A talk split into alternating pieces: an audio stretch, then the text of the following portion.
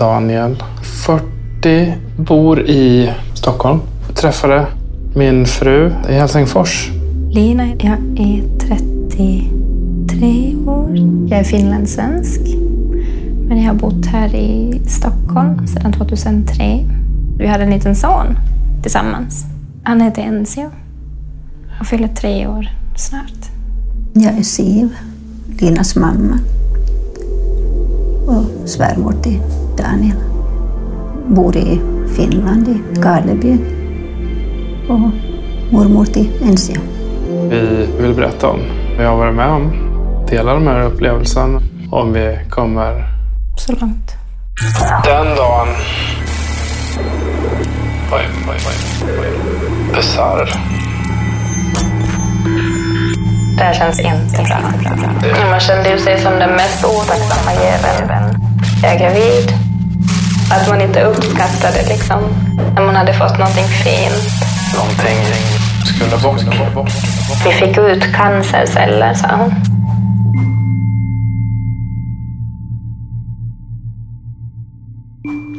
Ja, det var då på sommaren 2013 som hon ringde. Och vi hade ju förstås lite fått höra då att, att det fanns misstankar om cancer. För att hon, hon visste ju att hon hade en knöl och, det visste vi om också. Och så hade hon fått svar på, på det här provet. Då. Och när hon ringde så, så var jag då på en kusins begravning. Så att jag satt i bilen när telefonen ringde och, och, och mina syskon var där hos mig. Och, eller med mig, vi satt tillsammans i bilen.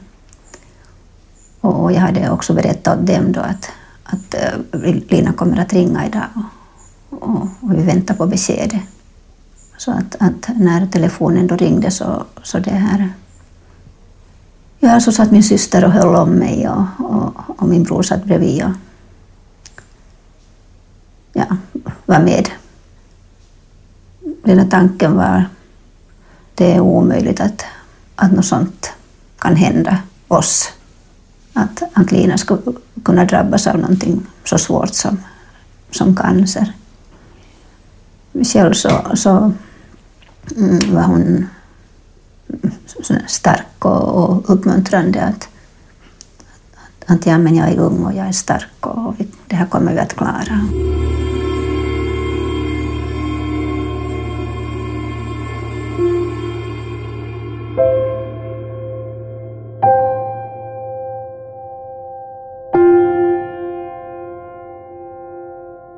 Det hade vi förstås erfarenhet av cancer i släkten. Min pappa hade gått bort i, i cancer och svärfar hade också gjort det. Men de var ju ändå över medelåldern när det hände.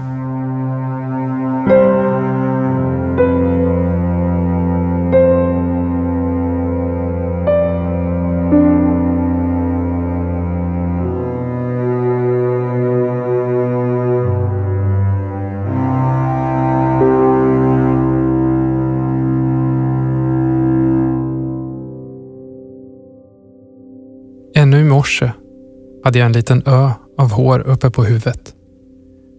Nu är ön snart borta. Innan duschen ser jag mig i spegeln. Ett bröst mindre. En port som sticker ut på ett onaturligt sätt under nyckelbenet. Ärret bredvid. Det nya operationssåret på halsen. Alla märken på armarna. Det blanka huvudet. Hyn har blivit så matt.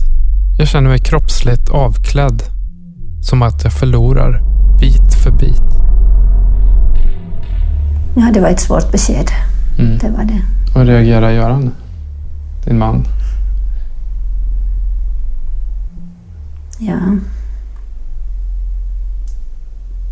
Jag tror ju nog att han eh, blev ganska tyst och, och fundersam. Och, och, ja, att det kan inte vara sant, det är, det är overkligt. Och, och, och sen förstås det här att, att samtidigt också försöka försökte vara uppmuntra mig och, och liksom vara till stöd för mig samtidigt som han själv skulle bearbeta det där beskedet. Och det är ju så som det har varit sen också framåt, att man liksom har fått eh, stödja och uppmuntra varandra. Den ena har haft det tyngre och värre och, och den andra har orkat bättre. Och den som har haft mera kraft har fått, har fått liksom, ja, uppmuntra den andra.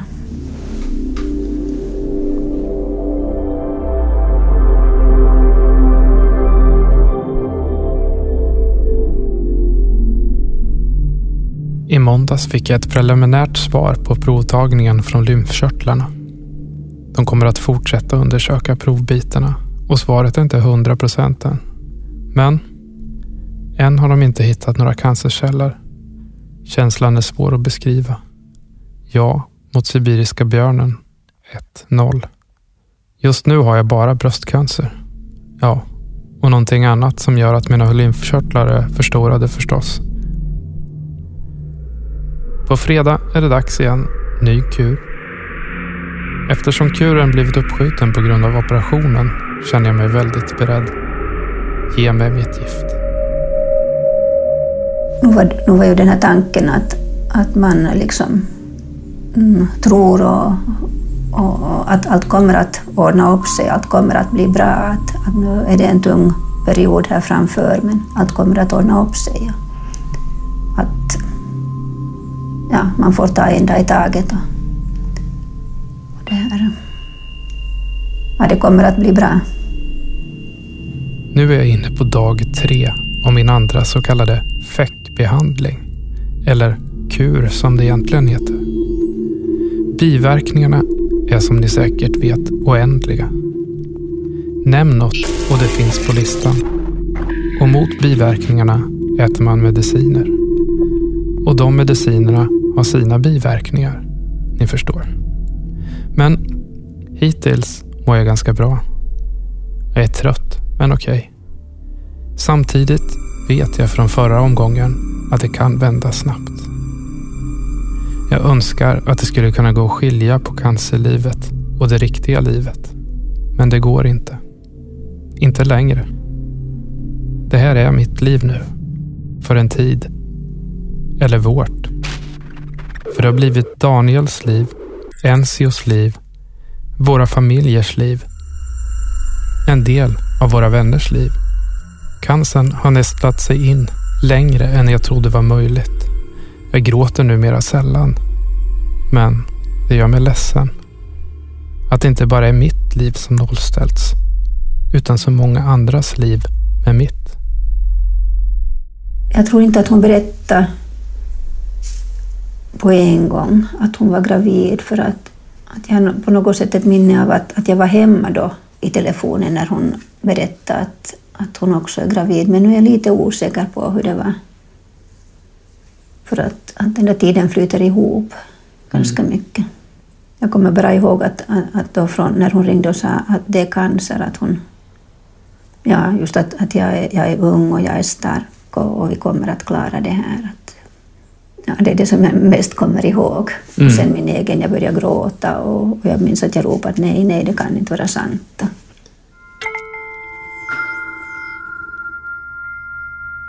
Idag fick jag ett litet andrum. Två timmar på kurs med 13 andra hårlösa kvinnor. Pratandes krämer och smink. Det var länge sedan jag kände att jag orkade bry mig om utseendet. Nu satt vi där drickandes vårt gröna te, pillandes i våra smörjburkar.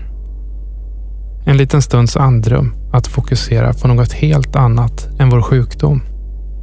För alla vet ju varför vi är där. Det var inget som behövde sägas. Och på något sätt blev mina konturer lite skarpare igen. Luften lite lättare. Mitt nya liv lite närmare det gamla. Något som påminde om hur det kan vara. Inte ytligheten utan det lättsamma. Att dimman inte behöver finnas runt oss jämt. Att luften kan bli lätt igen. Att jag kanske snart kan få andas som förr. Lina var gravid och det var en skrapning planerad. Mm. Tungt beslut för Lina mm. att bestämma att det skulle göras en skrapning. Att man, mm. en, helt enkelt en abort. Hon tyckte inte att det var klientens sak. Lina tyckte att det var läkarens ansvar att, att bestämma om den saken. Hon tyckte att den frågan kom upp så pass snabbt och att det behövde bestämmas så pass fort att Precis. hon gärna ville haft konkret förslag på att det skulle göras eller inte göras. Men det ska vara komma från en själv. Vi diskuterade ju en hel del om hur vi skulle göra och hon tyckte att det var ett svårt beslut och kände sig dum inför er. Som kanske inte vanligtvis är för abort. Eh, och um, man kanske egentligen inte ville ta bort det, men i det här läget så kändes det ganska självklart om det är för Linas säkerhet Mm. och att hon orkar vara bättre mamma för det än så, så är ju det tungt nog som det är att behöva gå igenom en behandling. Såklart. Jag var i alla fall helt klart för Linas säkerhet. Om det då var Mm. abort Mm. så tyckte jag att Mm. då, då ska du välja det i sådana fall. Mm. Ja. Och det är ju att, att, att vi tänker på samma sätt när det gäller hennes liv. Mm. Att, eh, ja, att det är det som man måste mm, utgå från. Att, att hon ska klara sig för sin egen skull och din skull och Ensios skull. Nu är det jättejobbigt att tänka på det. Och speciellt som vi också visste att, att det inte är självklart att få barn.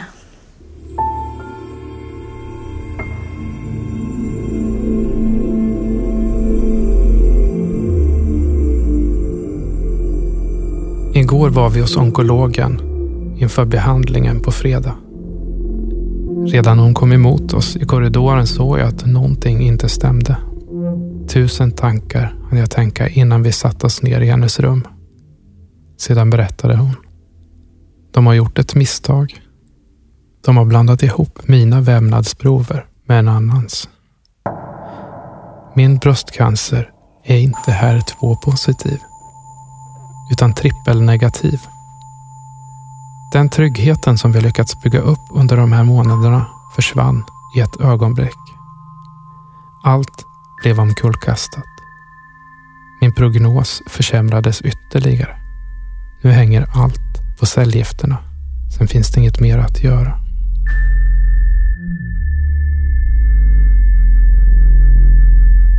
I, det här, eh, I början på september, dagen före första cellgiften, så då opererades det här porten.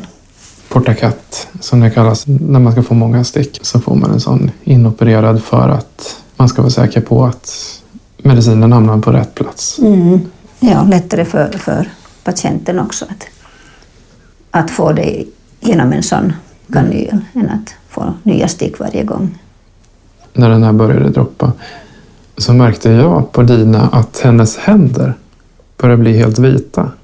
Så började hon bli liksom vit i ansiktet. Och då kom de snabbt in och avbröt.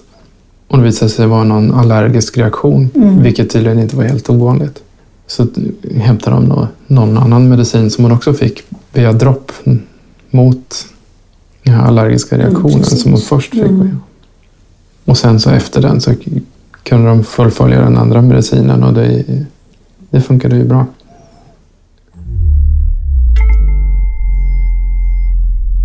Under de här månaderna som jag gått omkring och trott att min cancer var HER2-positiv har jag ibland tröstat mig med tanken att den är åtminstone inte trippelnegativ. Jag har satt mitt hopp till Herceptinet som skulle förebygga återfall. Nu finns det inget sånt. Min bröstcancer är plötsligt den med sämst prognos, högst återfallsrisk och snabb spridning. Om fyra behandlingar är jag färdigbehandlad. För det finns inget annat att göra. Än att hoppas. Än att be. Än att klättra de där bergen som plötsligt blev allt högre och brantare. Nu, någonsin, förstår jag vikten av forskning. Tänk om. Tänk om det skulle finnas något liknande som Herceptin för den här typen av bröstcancer. Jag orkar inte bli arg eller förtvivlad. Det är som det är. Ge mig en dag så ska jag samla mina krafter. Sen ska jag klättra de där bergen som aldrig förr.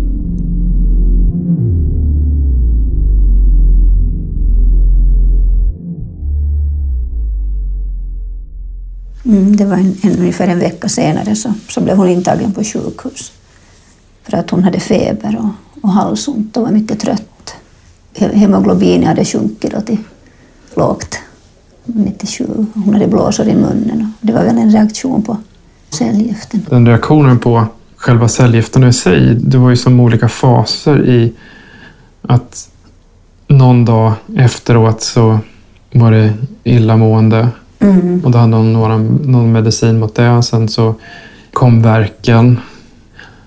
I vissa fall var det några av de här medicinerna mot biverkningarna som kanske det var någon medicin som gjorde att hon var väldigt trött och dåsig och borta. Mm. Som de senare bytte ut mot någon annan så var det i alla fall lite bättre. Men biverkningar i sig, det är nog det värsta hon har varit med om. Har hon berättat nu i efterhand att mm. det har ju dolt hur dåligt hon väl har mått. Mm. Mm. Hon har sagt att hon mår dåligt och har man förstått det. liksom inte, det går ju inte att undvika att se att, hon, mm. ja, att det har varit tungt och gör ont och man mm. mår illa. Men liksom hållit ihop för att det ska vara lättare för andra. Mm. Ja. ja, hon har varit, varit tapper. Igår fick jag min tredje kur. Det betyder att vi är halvvägs. De tre följande kurerna blir med andra ord mediciner med nya biverkningar. Men halvvägs. Det känns bra. Jag kommer ihåg hur Lina ropade på mig från hon stod i duschen. Mm. Och ropade att jag skulle komma dit. Jag stod och höll, en så jag var jätteliten så jag höll honom i famnen och jag skulle komma in. Mm. Och man ser hur hon faller ihop på golvet. Mm. Och då blir man ju väldigt stressad. Man har ett litet barn i ena mm. handen. En fru som faller ihop på golvet. Och hur ska man mm. göra då? Så var vi tvungna att lägga ifrån mig en på golvet. Och mm. liksom, hjälpa Lina upp. Hon var ju medveten. Liksom. Det var inte mm. så att hon föll ihop och var helt borta men mm. hon var så svag i kroppen. Och jag förstod ganska snabbt att man måste åka in till sjukhuset. Och det, vi hade något nummer som man då ringer när man är under behandling. Mm. Vi skulle komma in så fort som möjligt. Men hon var så svag så hon kunde knappt ta sig ut till bilen. Så mm. På något sätt så lyckades Mm. Både få med NCO och stötta mm. Lina. Mm. Hon var så svag och mådde så dåligt så att det var, liksom, var tungt att åka bil.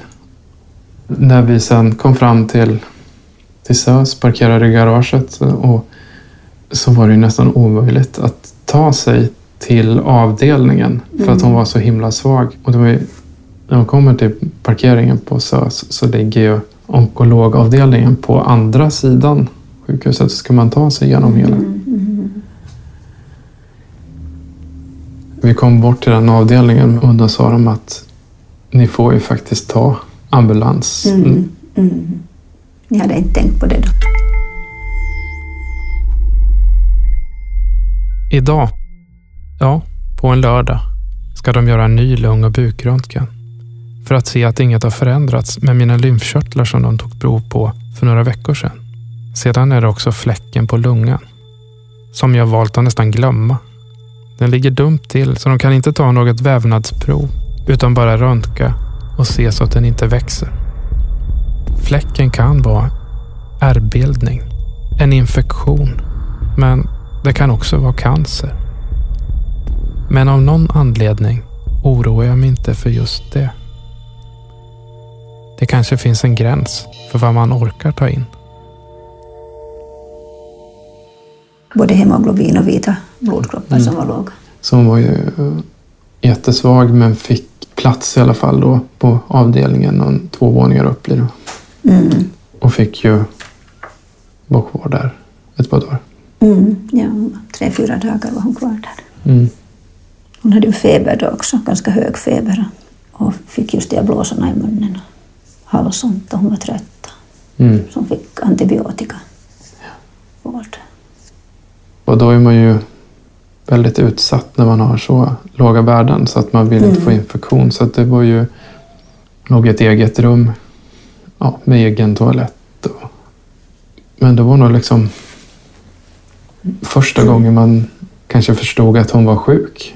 Mm. För att hon fick också vara kvar där över natten och hon fick inte följa med mig och Hensio hem. det. Mm. Mm. Annars har det ju varit diffust eller har varit så här, man har inte sett några symptom ifrån Nej, cancern. precis. Och det här var ju inte, det var inte symptom från cancern i sig utan det var ju Mm. biverkningarna från medicinerna. Men det vart ändå i första, ja okej, men Mm. de kändes sjuk. Ja, det var ju från att ha varit helt frisk innan. Efter beskedet att de blandat ihop mitt vävnadsprov med en annans blev det lite tyngre. Haft svårt att hitta den där punkten.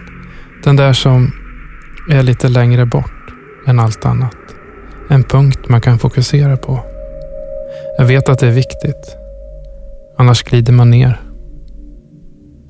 Cancern får inte ta över. Inte mentalt. Men jag är så trött jag vill ha tillbaka mitt eget liv. Det livet jag hade innan. Som är normalt och där jag själv fick bestämma. Bestämma när och vad vi skulle äta ikväll.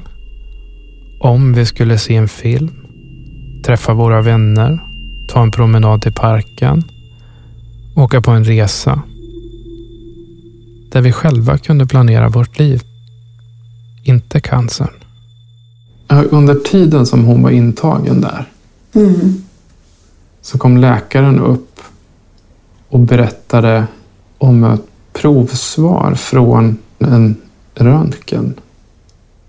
Ja, de hade tagit lungröntgen då just innan. Och också CT hade de tagit och bukröntgen. Mm.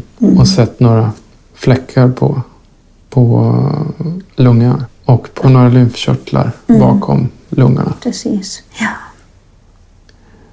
Det kanske fanns på fler ställen. Så då fick vi ganska snabbt tid till någon specialist på Huddinge. Det var vidare sån här lungundersökning som, som hon var på. Jag har ju hoppat runt mellan de olika sjukhusen lite grann, men det var den första gången vi var på Huddinge.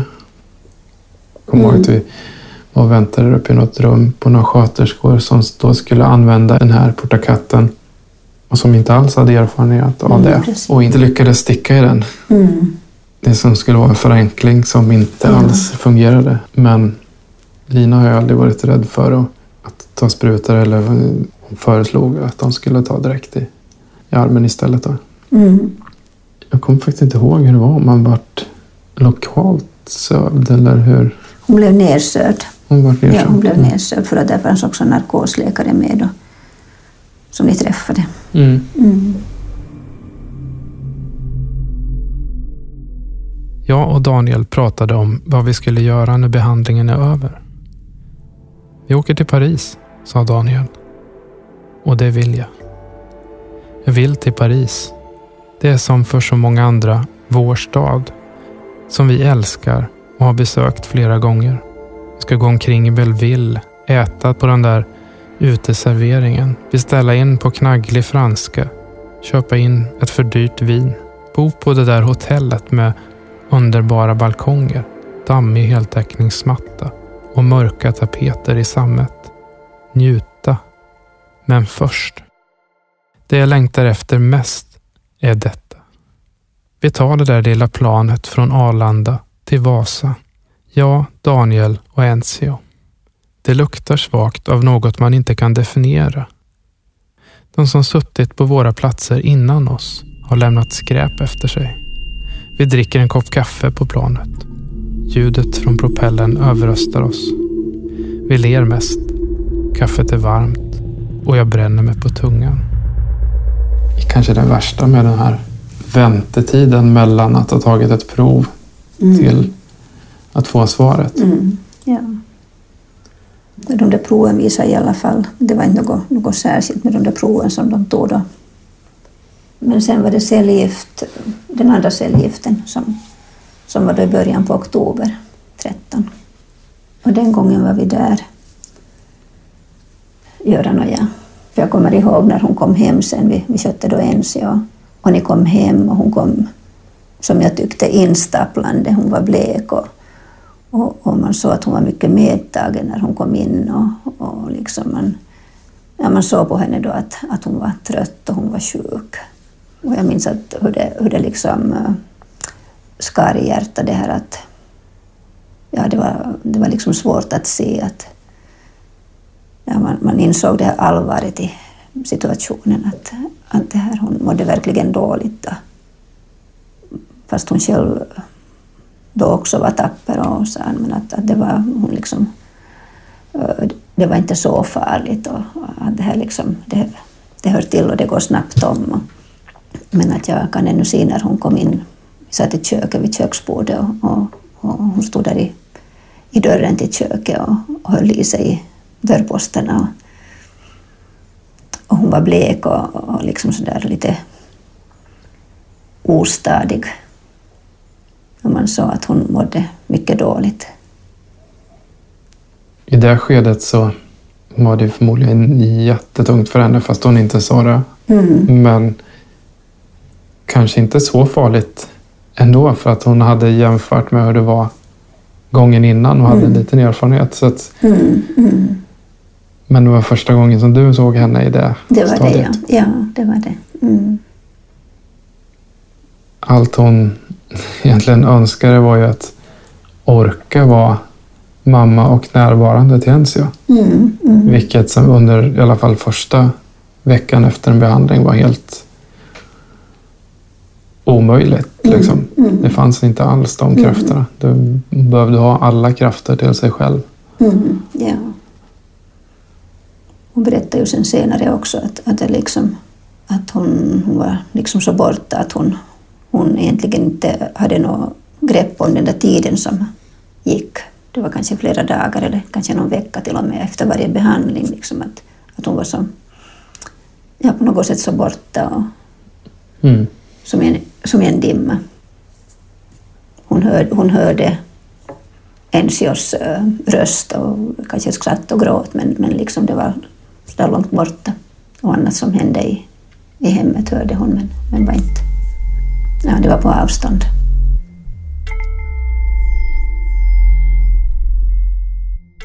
Planet är försenat som vanligt. När vi åker in över Vasa ser man bara åkrar.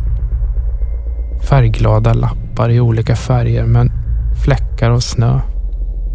Det är grått. Det ser ut som att det regnat. Vi spanar efter dem på andra sidan av glaset. Den där smutsiga glasväggen som skiljer resenärerna från släkten. Och sen plötsligt ser vi dem. Hela gänget. Mina föräldrar, bror, syster, Jannike, Göran, barnen. Vi vinkar och orkar knappt vänta på väskan. Vi kramas, är uppspelta och lite för högljudda. Sen åker vi hem till min bror. Vi sitter i deras kök. Det blir fuktigt på fönstren för att vi är så många.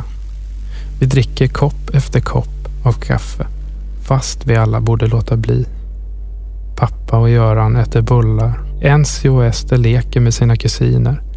Sen tar vi en loppisrunda. Det är redan mörkt när vi på rad senare kör längs riksåttan. Det har börjat snöa och det är nog vinterns sista snö. Enzio har somnat och i backspegeln kan jag se lyktorna på mina föräldrars bil. Det var någonting som inte stämde. Det här kommer inte vara ett bra besked. Så berättar läkaren att hon var hemskt ledsen men det har skett ett misstag. Mm. Proverna på den första tumören som gjordes innan bröstet var borttaget mm. hade förväxlats med en annan kvinnas prov och visar sig att hon inte har den här HER2 positiv som vi hela tiden tror eller mm. har trott att hon har. Utan mm. det visar sig att hon har ett trippelnegativ cancer som är då den sämsta sorten man kan ha. Mm. Och då... Jag visste inte hur jag skulle ta vägen. Jag orkade knappt hålla upp Enzio. Det var liksom... Mm. All kraft bara försvann. Mm. Man, man kan inte greppa i någonting utan man bara man liksom bara vänta ut den här första mattheten. Mm. Efter en tid så i den här en dels ovissheten men också bara totala känslan att ja, men nu är det kört. Nu är det kört. Mm. Så börjar kroppen balanseras och hamna i ett läge att ja, okej. Nu ser det ut så här. Nu är de här förutsättningarna. Och sen så börjar man därifrån. Mm. Hur går vi vidare härifrån? Mm. Lina vill ju också ha direkt besked. Bara, ja, vad innebär det här nu? Mm. Är det kört? Ja, det innebär ju att fram till den punkten så hade man inte gjort någon skillnad i alla fall. Det hade Mm. varit precis Mm. samma behandling. Mm. Men det fanns en annan eh, medicin för de som har HER2 positiv. Och sånt fanns ju inte för den trippelnegativa. Vi kommer ihåg det här att ni hade fått höra då att, att, det, var, att det var förväxlat. Så. Ja. Och, och man liksom börjar fundera ja, både vad, det, vad det innebär då att det har förväxlats och att, att det är en annan, annan typ av cancer egentligen. Och, och sen också att, att hur det kan få ske. Att liksom, hur det är möjligt att, att ett så stort fel kan, kan det här få ske i, i vården. Så att åtminstone funderar jag mycket just på det, att hur det kunde gå till helt enkelt. Men sen förstås fr- framför allt det här att, att vad det då innebär för Linas del, att, att det var en annan typ, det att det var ännu värre än vi trodde. Man märkte då på Lina att det var redan mentalt jobbigt och Mm. kroppsligt jobbigt. Mm. Redan som det var. Så får man den här också. Så ska man ställa in sig på det och Mm. börja jobba upp någon pepp och förhoppning. Och, vilket var, var tungt.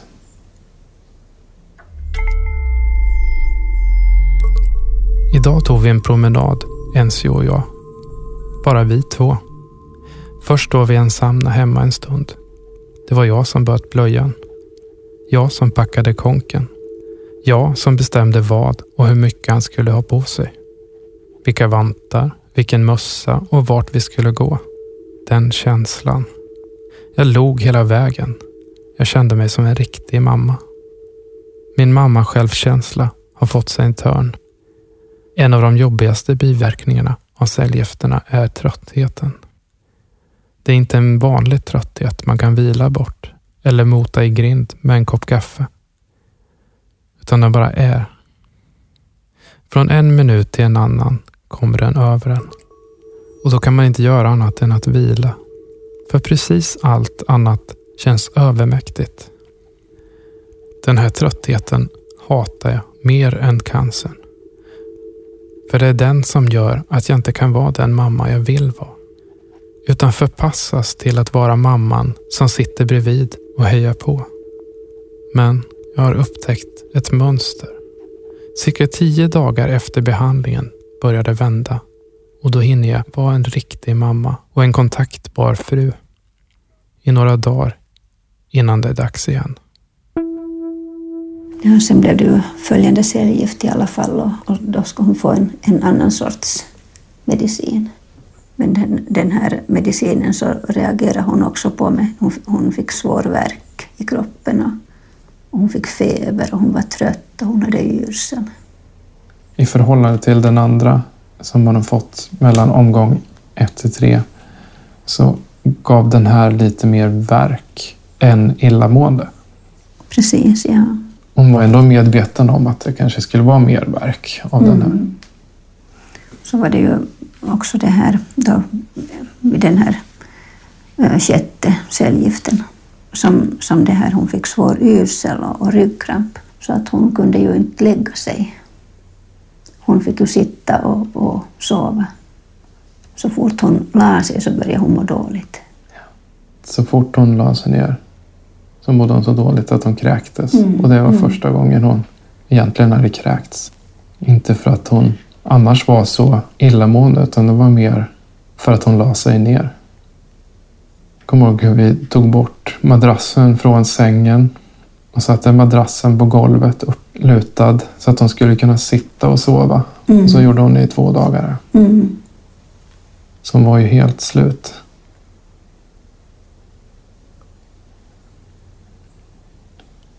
Det här funkar inte utan vi, det här måste vara någonting som är fel. Om det nu är en biverkning av medicinen eller någonting annat som det beror på. Så vi åkte ju, då tog vi bilen igen och då skulle vi komma till akuten i Solna. Och det här var ju sent på kvällen. Jag får mig att klockan var närmare tolv. Och då var det också väldigt märkligt att komma in, att behöva vänta i ett väntrum där folk är förkylda såklart vintertid. Under behandling vill man absolut inte bli förkyld för att det är så känsligt. Det var så låga värden. Till slut så fick vi komma in i alla fall, fick något rum där och eh, det gick inte att lägga ner då heller. Men då funderades det ju på om det var så att det hade spridit sig till hjärnan och satt sig på, om det nu är balanssinnet kanske, eller om det är någonstans i hjärnan. Så att då fick hon en tid då på natten för att göra en hjärnröntgen.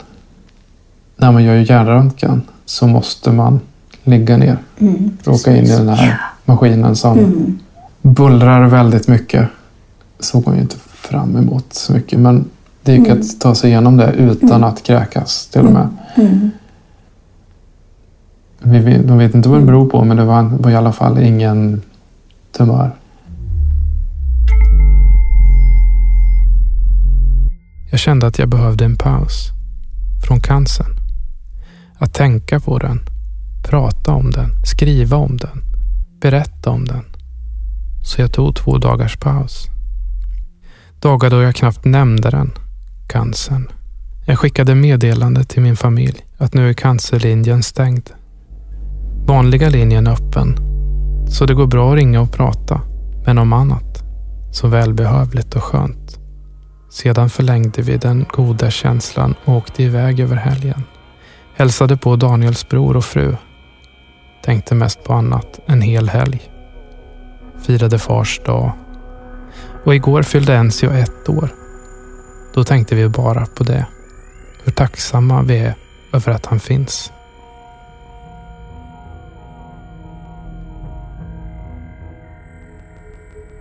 Två, tre veckor senare så, så det här så fick hon kanske de här biverkningarna fortsatte på det sättet. Hon var mycket sjuk i kroppen och hon var stel och, och svullen. Och, hon fick såna här svettskov och hon frös. och Ögonen rann. och Det var många olika saker som, som liksom ja, tillstötte sen, eller olika biverkningar. Och, och, Så En biverkning av cellgifterna är ju att, i alla fall av den här cellgifterna som hon fick då, var ju att man hamnar i klimakteriet. precis, ja. Och det var jättebesvärligt. Att man kanske inte kan då få barn efter att man har gått igenom sin behandling så var det en stor diskussion om om man skulle spara en del av äggstocken. Mm. Ja, nej, jag kommer inte ihåg det exakt, men det handlar i alla fall om att kunna bevara någon form av fertilitet. Mm. Men då var han tvungen att göra det beslutet innan. Men vi beslutade att inte göra det för att inte försena behandlingen. Det var Ja, viktigt att komma igång så fort som möjligt med behandlingen. Mm. Idag fick jag min fjärde kur av sex. De tre sista behandlingarna är med ny medicin. Med nya biverkningar. Fick sitta med is på naglarna. På båda händer och fötter. För att förhoppningsvis förhindra att naglarna lossnar. Sen är det bara att vänta och se vad som dyker upp under vägen. Känns så bra att nu klarat över hälften. På Finlands självständighetsdag byter vi ut champagne mot gift. Min femte behandling. Julannandagen till ära får jag min sista kur. Det här med att man tappar håret av behandlingen. Ja. det gör väl i stort sett alla, tappar håret av den behandlingen. Och det Mm. är tungt. får man ju en peruk, men det var ju väldigt svårt att hitta någon som stämde överens där hon inte kände sig utklädd. Och när hon till sist hittade en så fick hon den kanske precis i slutet av behandlingen. Så att hon, då har hon vant sig att vara utan. Har ju många gånger sagt att det är en stor del i att man mår dåligt. Dels blir man påmind bara man ser sig själv i spegeln om att man är sjuk. Man känner sig sjukare. Sen de gångerna hon har orkat gå ut, när hon har varit i affären eller de gångerna hon två gångerna tog sig till någon galleri eller vad det kan ha varit, eller på stan, så har folk tittat. Sättet som folk tittar på, inte alla såklart, men Mm. väldigt många nedvärderande, nästan fnyst och hon har känt i alla fall så det är typ som att det är äckligt. Sen att barn kanske har tittat, det var inte så farligt, men att vuxna människor kan bete sig väldigt illa. Mm. En sån enkel grej kan få folk att må väldigt dåligt.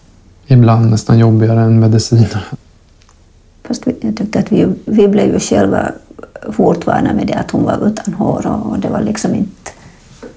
Det kändes inte besvärligt att, att, att se att hon var utan hår. Men det här att ja, hennes egen vånda och att hon blev ju hela tiden också påmind om uh, cancersjukdomen och varje gång hon tittar sig i spegeln så, så ser hon att, att um, inte bara att håret är borta och, och istället för ett bröst så är där ett, ett stort ärr. Att hon ja, dagligen blev liksom, fast hon kanske annars inte mår dåligt, men att man liksom man ser vad hon har gått igenom. Som hon själv säger att förlorat en del av kvinnligheten. Vi träffade en kvinna i hissen på väg till behandlingsavdelningen. Hon trodde att hon omedvetet glömmer på vilket våningsplan som hon ska till för att få sin behandling. För hon vill verkligen inte det här. Då tänker vi olika. På något sätt ser jag fram emot behandlingsdagen. Det här vill jag verkligen. Jag vill få mina gifter. Och jag vill ha allt. Jag säger till om det lämnar kvar några milliliter i droppåsen. Jag vill ha varje liten droppe. Det är ju det här som kan rädda mitt liv.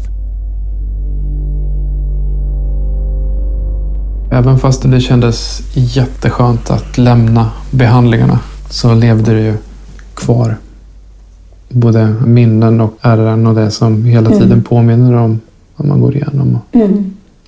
Ina har sagt flera gånger att någonstans så har man förlorat livets oskuld. Har man en gång drabbats så kan man inte riktigt hitta tillbaks till helt och hållet odödliga känslan. Hur bra man än mår så blir man påmind om det. Mm. Nu är det dag fem efter behandlingen. Svårt att beskriva känslan i kroppen. En nästintill olidlig verk är det i alla fall. Vilar mest, tänker, planerar. Känslan av att vilja så mycket men inte orka någonting är påfrestande. Drömmer märkliga drömmar. Om skidåkning, stora kottar, snö. I rummet mellan sömn och vakenhet blandas ens skratt med yrsel av medicinerna. Det är både hårt och mjukt samtidigt. Jag drömmer om tapeter, kaleidoskop, som en röntgenbild.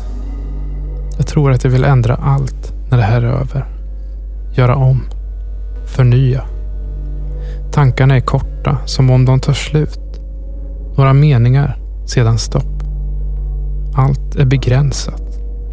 Vardagen, tankarna, orken. Om det finns något jag alltid ogillat är det just det här. Kanter, former och begränsningar. Och just nu finns det inget annat. handlar det ju i stor del också att försöka peppa och stötta den som är drabbad. Så har ju Lina alltid varit. Även om hon har varit den drabbade så vill ju hon också underlätta och stötta mig på något vis. Mm, Liksom. mm. Ja, och likadant var det ju mot oss föräldrarna också, att hon, att hon liksom, ja, det var ju hon som stötte oss mm. med vårt stöd och har uppmuntrat och ändå orkar vara på, på ganska gott humör hela tiden och, och inte bli deprimerad eller så, utan orkar tro att, att det kommer att gå bra. Vilket har varit oerhört viktigt. Mm. Mm. Och säkert också det här att, att ens jag har funnits med där hela tiden som ett litet barn som ger så mycket glädje, liksom, att man kan inte bara tänka på sin sjukdom fast man är allvarligt sjuk. Man ska ju få en, en, ett så normalt liv det går och, och behöver all den vård som ett, ett litet barn behöver. Ja, det blir ett, naturligt ett fokus på honom och vilket mm. man i stunder har tyckt har varit tungt. Men mm. Mm. om man har haft mer tid att tänka på sjukdomen så hade det varit jobbigare. Man hade mått sämre. Lina kanske hade mm. blivit deprimerad. Precis, ja. Nu har det gällt att, att orka trots allt. Också för hans skull. Eller mycket för hans skull. Senaste behandlingsomgången var tuff. Verken gjorde att det var svårt att hålla fokus.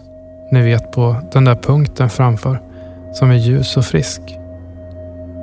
Men så plötsligt vände det.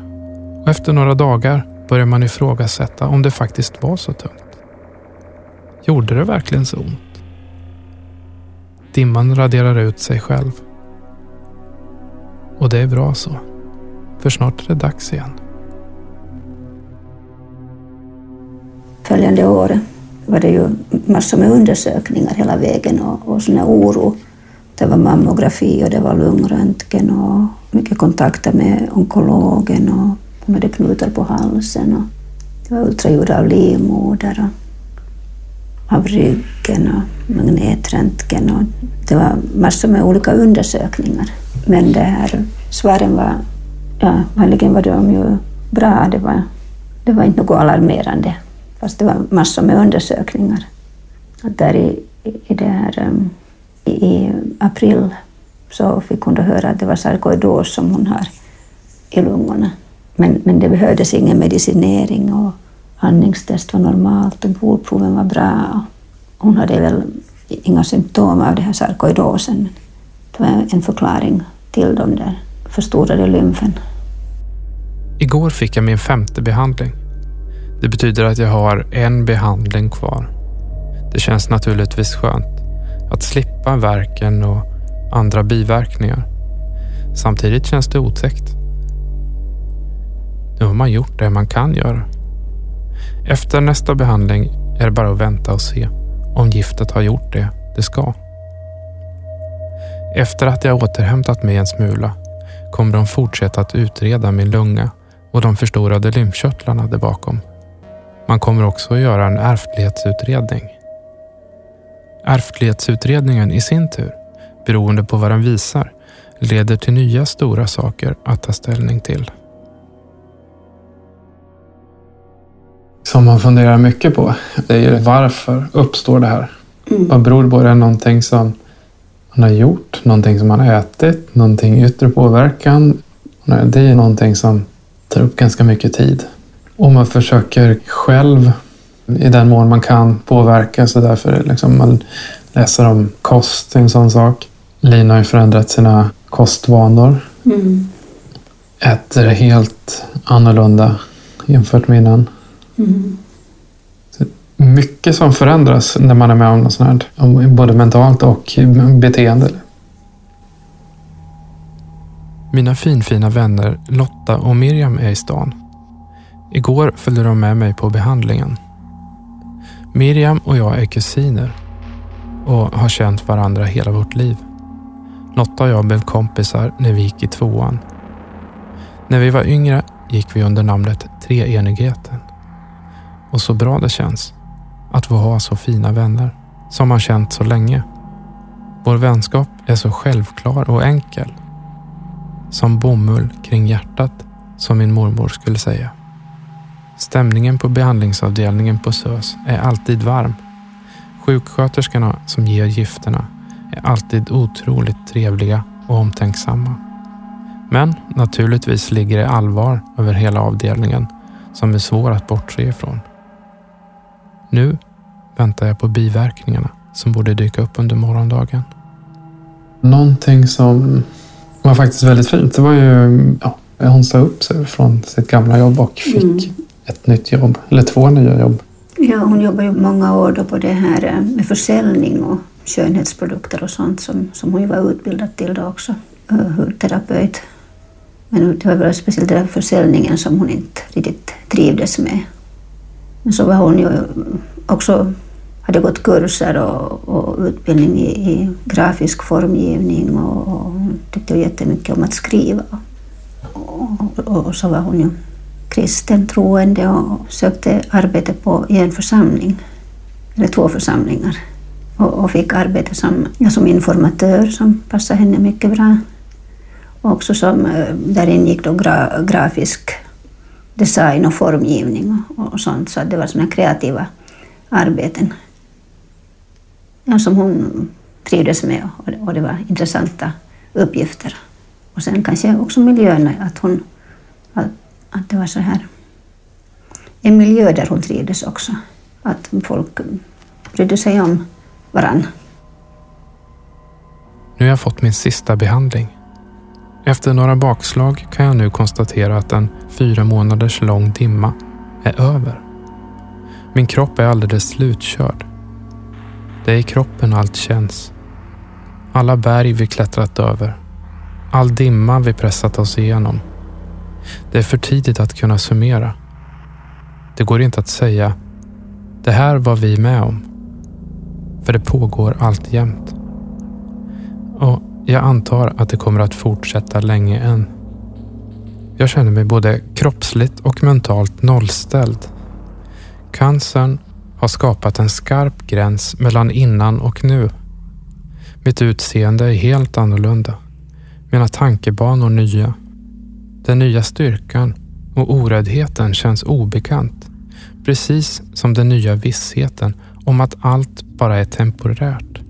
Att linjen mellan att finnas och inte är så mycket tydligare än förr och hela tiden i vårt synfält.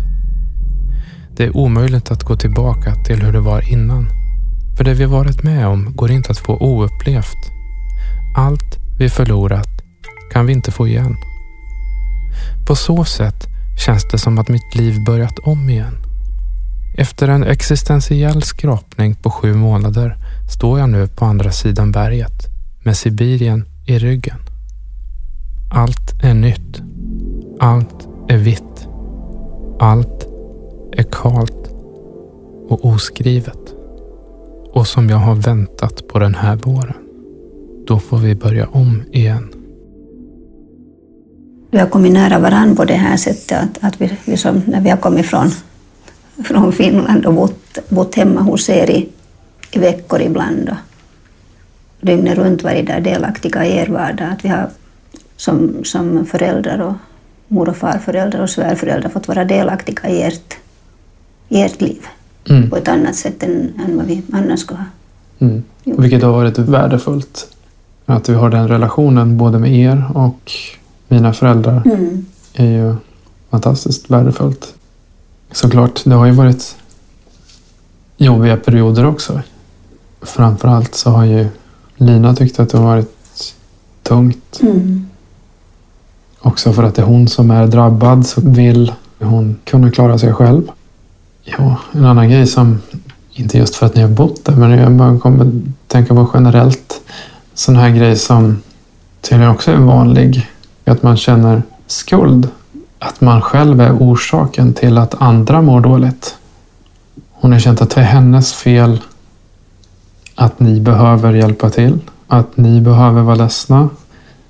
Hon vet ju någonstans om att hon inte kan rå för mm, det här. Det är inte hennes mening med det. Mm. Jag har pratat om flera gånger. Och man, det liksom, jag vet att hon vet, men hon kan inte slå bort de tankebanorna. När jag fick reda på att jag hade bröstcancer valde jag att få hela bröstet bortopererat. Eftersom det skulle gå snabbt rekommenderades jag att vänta med en rekonstruktion så att de kunde komma igång med cellgiftsbehandlingen så snabbt som möjligt.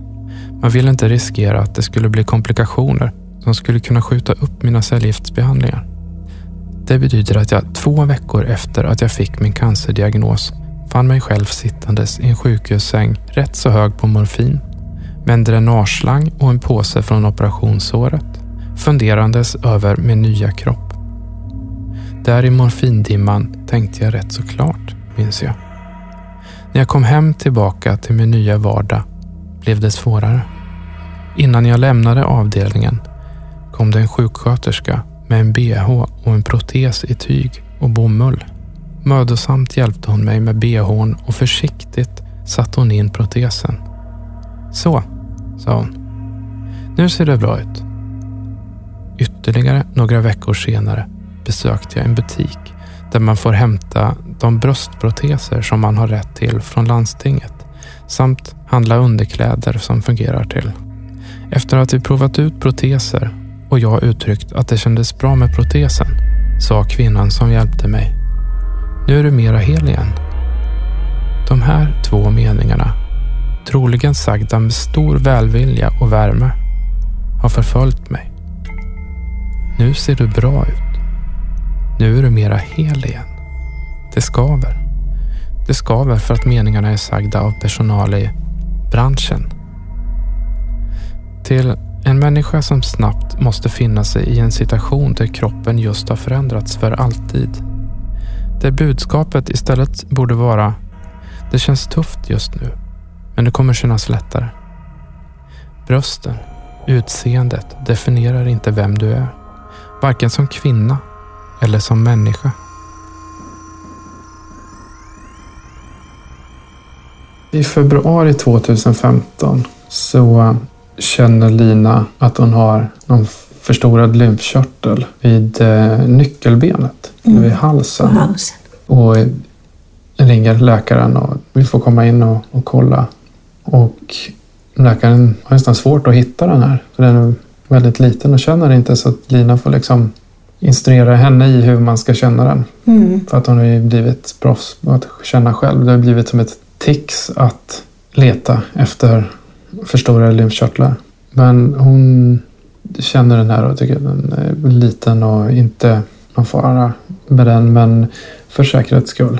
Så med tanke på bakgrunden så gör de en biopsi på den. Det var, det var flera undersökningar. Det blev skelettröntgen då strax samma vecka och lungröntgen och bukröntgen. Och man tog prov från, från lymfarna, ultraljud.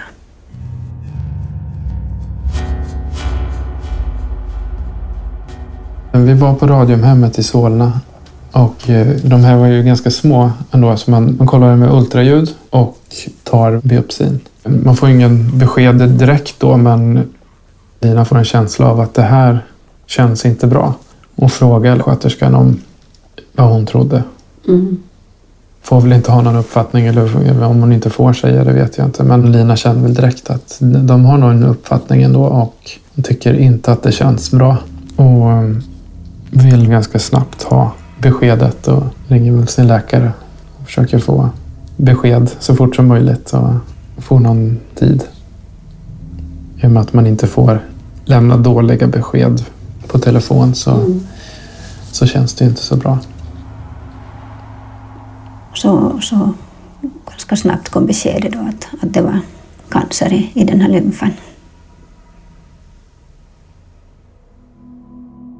Så hände det till slut.